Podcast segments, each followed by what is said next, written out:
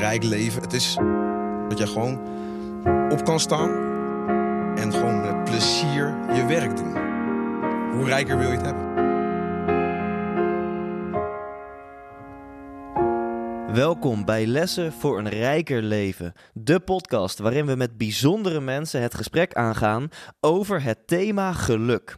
Hoe definiëren zij een rijk leven? En als ze terug in de tijd kunnen gaan, welke levenslessen hebben zij dan voor hun jongere ik? Mijn naam is Thijs Lindhout en in deze aflevering praat ik met voormalig profvoetballer, maar inmiddels voetbalanalist en zelfs ook percussionist, Glenn Helder.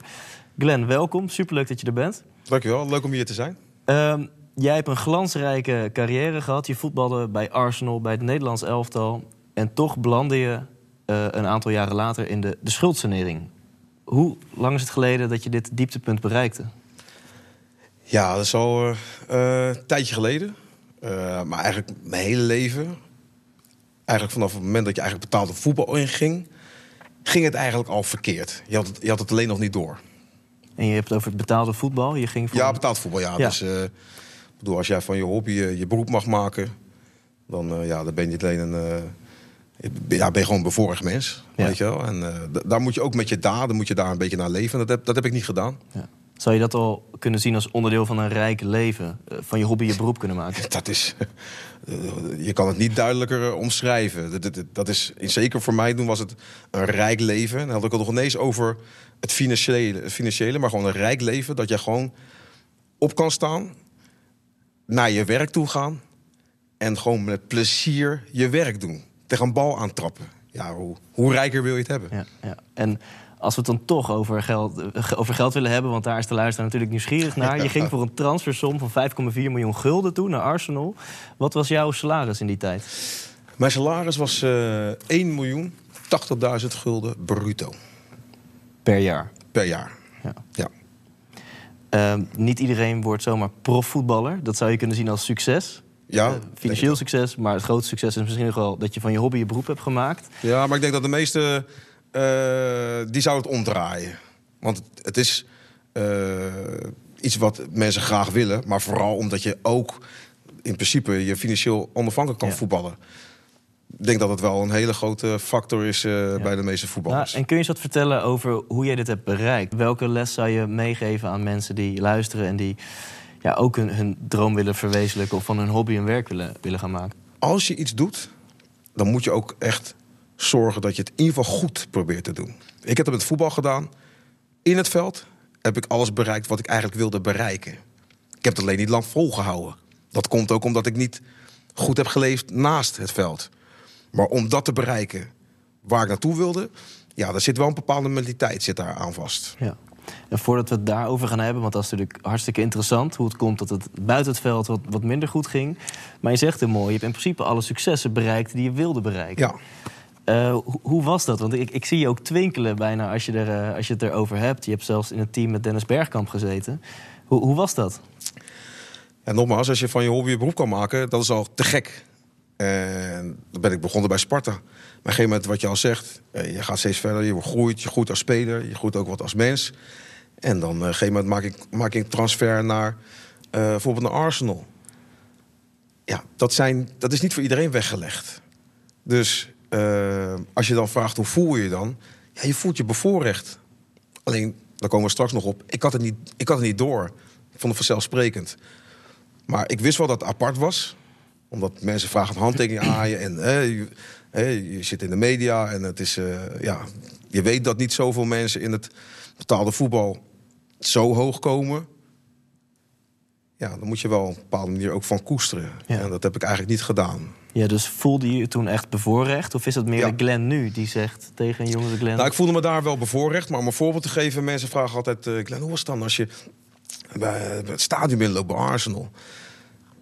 Ja, de eerste keer dat ik daar binnenliep was voor mij ook van... Zo, hey, gaaf.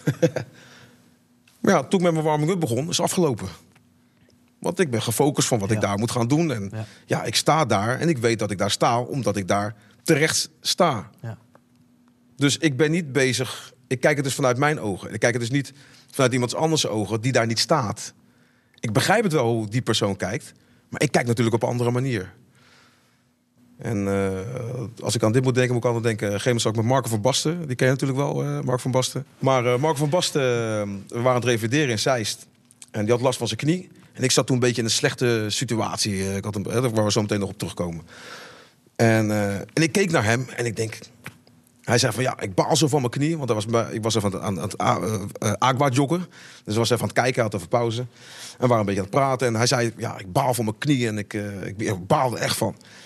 Dus ik, ik, zat te denken en ik zei het ook tegen hem. Ik zeg, ja, maar maak jij nou druk om? Je bent één, je bent Mark van Basten. Je hebt geld zat, weet je ja, ja. Je maakt je druk om een beetje, een beetje last van je knie. Ja, dag, weet je, terwijl ik alleen maar kleren zo aan mijn kop had. Ja. Is precies ook een probleem. Precies hoe ik het nu ook zeg. Ik, niet hij, maar ik had dat probleem. Maar ik ging vanuit mijn ogen door zijn ogen kijken. Maar hij zegt, en dat zegt hij ook perfect, hij zegt, luister Glenn,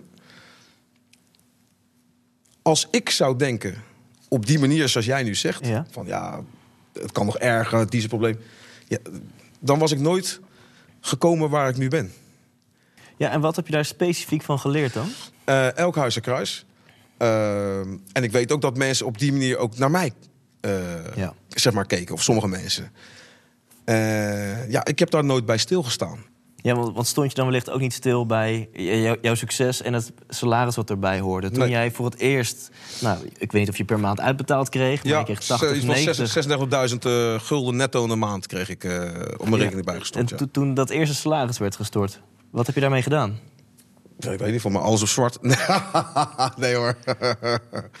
nee, ik weet dat ik dus gewoon dat vanzelfsprekend vond. Je, je zit daar, je zit in een ander land uh, je weet dat je bij een topclub zit, dus je went aan dat die bedragen anders zijn. Want je had er zoveel moois mee kunnen doen. En je zei net gekscherend, ja, alles op zwart zetten. Ja. Maar zo gekscherend was dat eigenlijk niet, die opmerking van je. Want uh, je bent gokverslaafd geweest. Ja. En um, waar is dat ontstaan? Ja, het is gewoon... Uh, dat is ontstaan door uh, geen respect voor geld te hebben. Terwijl ik het wel geleerd heb, opgevoed ben. En, maar dat je in een gegeven moment in een wereld komt... waar alles, wat ik al zeg, zogenaamd normaal is. Uh, waar andere mensen voor dingen moeten betalen, hoef jij niet te betalen. Omdat mensen je kennen of maakt niet uit wat. Dus alle deuren gaan open. Terwijl je gewoon veel geld hebt. Uh, het is eigenlijk een hele rare wereld. En als je, als je daar dan niet scherp in bent, ook voor jezelf. Ja, dan, dan, dan, kom je in, uh, dan stap je in booby traps na. Ik ben een paar booby traps gestapt. Kan je nog goed in die Glen stappen? Hoe, hoe dacht die Glen? Nou, uh, om een voorbeeld te geven. Uh, toen ik bij uh, Sparta speelde, verdiende ik 1200 in de maand ongeveer. Dat was guldentijd nog. Als ik geld had, had ik dat altijd in mijn zak. Toen ik bij Vitesse ging spelen, had ik weer 5000 in, de, 5000 in de maand. Had ik altijd in mijn zak. Vond ik het mooi dat die, dat, die, zak aan de achterkant bol was. Als ik het eruit pak, dacht ik, hey, ja, ik heb geld. Weet je wel? Zo, zo dacht ik. Toen ik bij Arsenal en veel meer geld had, had ik geen eens geld in mijn zak, had ik alleen maar een pasje. Dus toen snapte ik ook van die hele rijke mensen, die echt die hele rijke mensen, hoe ze soms eruit zien qua kleding, dat je echt denkt, jezus man, je kan toch wel wat... Ja, die interesseert het helemaal niet meer. Ja. Die interesseert, die kijkt niet hoe jij kijkt naar die persoon. Dit is totaal niet belangrijk. Nou, dat heb ik later heb ik dat geleerd.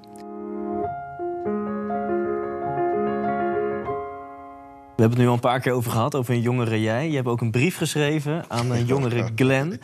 Uh, zou je eens het, een eerste stukje daaruit willen voorlezen? De allerbelangrijkste handvaat die ik je ga geven is... neem niks voor vanzelfsprekend aan. Maar ook niks. Het begint met je gezondheid. Koester dat. Als je gezond bent, heb je duizend wensen. Maar als je ongezond bent, heb je maar één wens. Dan moet je naar leven. Met daden en niet met woorden. Nou, dit klinkt alsof je, uh, omdat je het eh, echt hebt over gezondheid, realiseer je wat voor een gift dat is dat je gezond bent. Laten we zeggen, als mensen gezond zijn, dan hebben ze duizend wensen. Ik wil dit, ik wil dat. Maar als ze ongezond zijn, hebben ze maar één wens. Dat is gezond worden. Ja, toch? En jij vindt dat een jongere Glenn zich dat te weinig heeft gerealiseerd? Nou, ik heb met mijn gezondheid. Nou, uh, laat het zo zeggen dat ik. ik heb dat wel gerespecteerd. Maar uh, ik heb soms dingen gedaan. zoals? Nou, hoeveel uur heb je? Kom maar door, kom maar met een voorbeeld. Ik heb vaker boven de 200 km per uur gereden met mijn auto dan, uh, dan de 100. waarom zou je door rood lopen? Ja? Ja. Eh, je hebt toch die reclame van, eh, van, een, van een, dat was in een, volgens mij van het leger. Dan eh, kwam er eentje keihard aanrijden.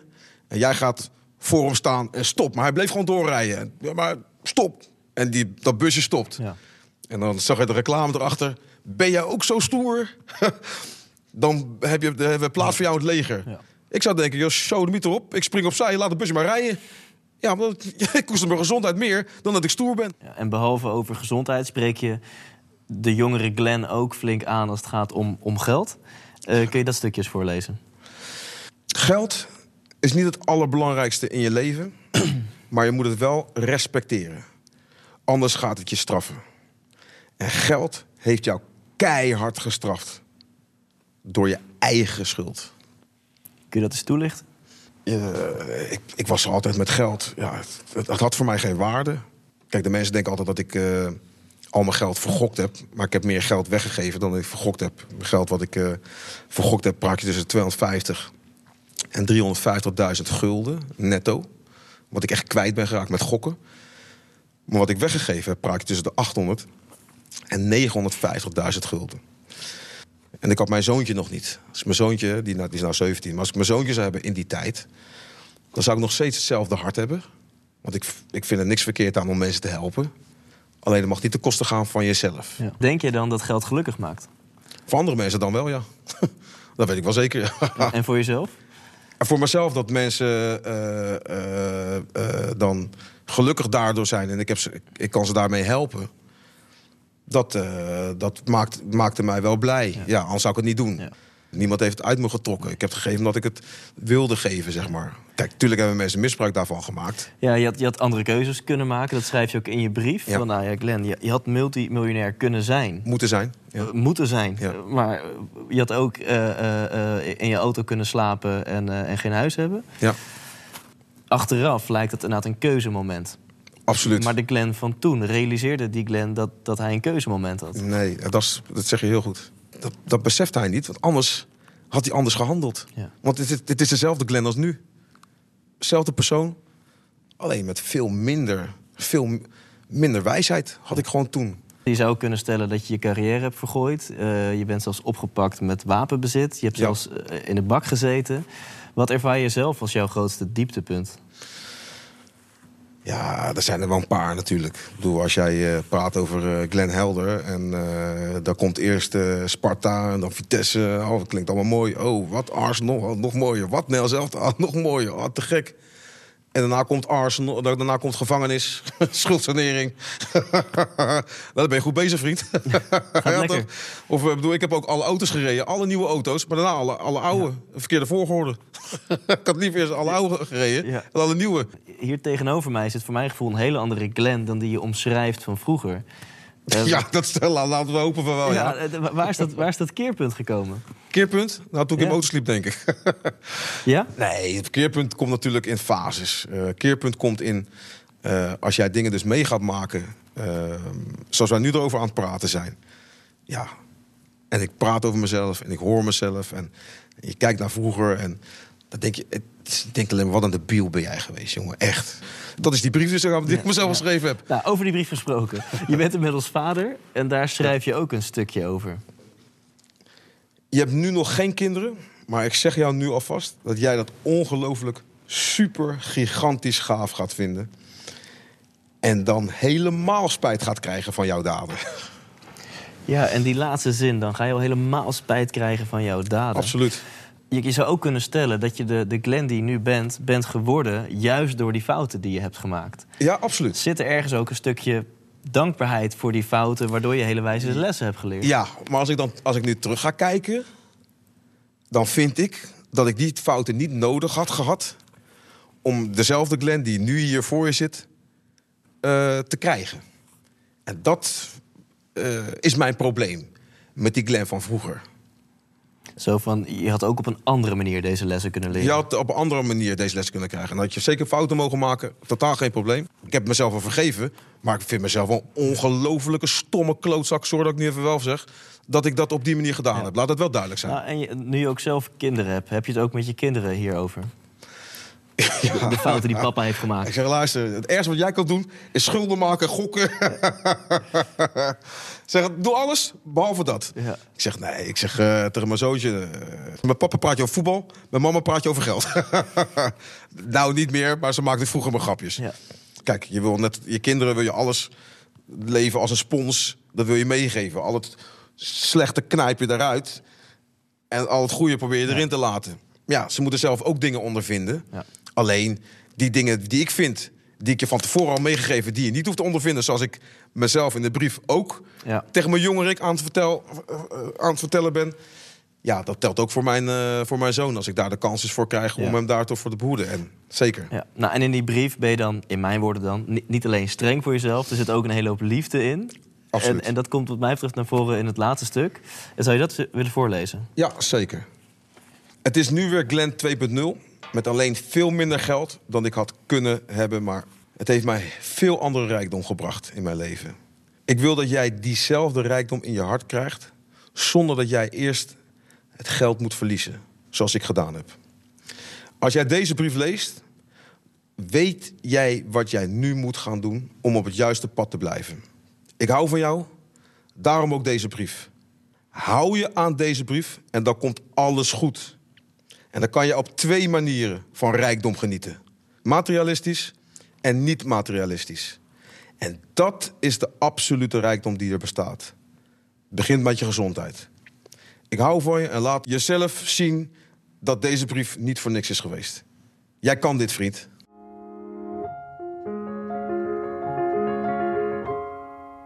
Eh, Glenn 2.0 eh, heb je het over in die brief. Misschien m- mooi om daarmee af te sluiten. Welke les voor een rijker leven heeft Glenn 2.0 aan de mensen?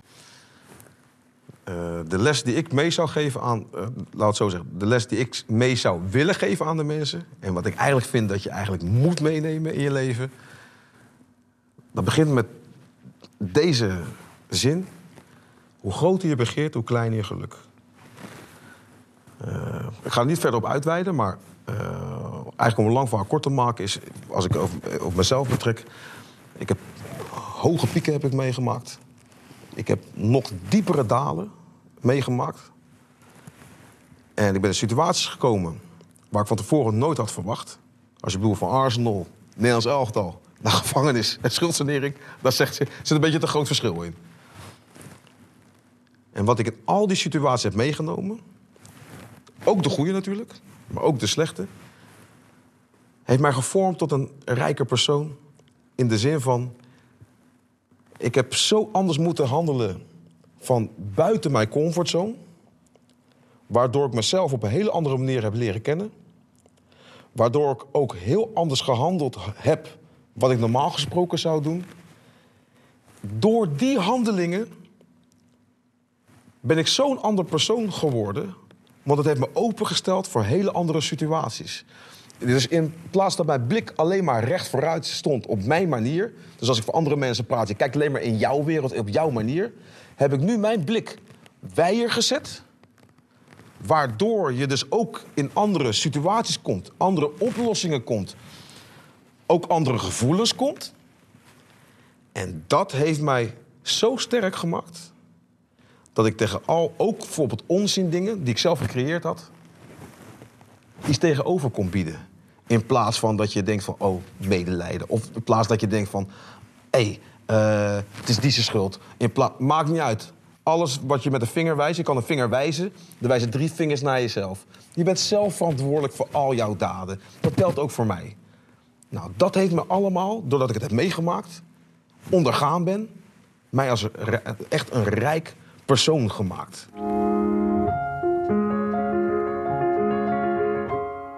Dit waren lessen voor een rijker leven.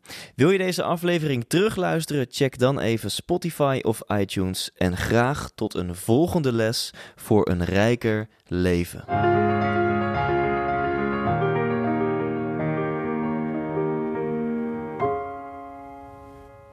Ervaar een rijker leven. Ontdek de waarde van een partner die u echt begrijpt. Een netwerk dat u inspireert. En een service die zich uitstrekt tot uw dierbaren. Zodat u zich kunt richten op de ervaringen die er het meest toe doen. Met degenen die er het meest toe doen. Private banking bij Insinger Gielissen. Every step of the way.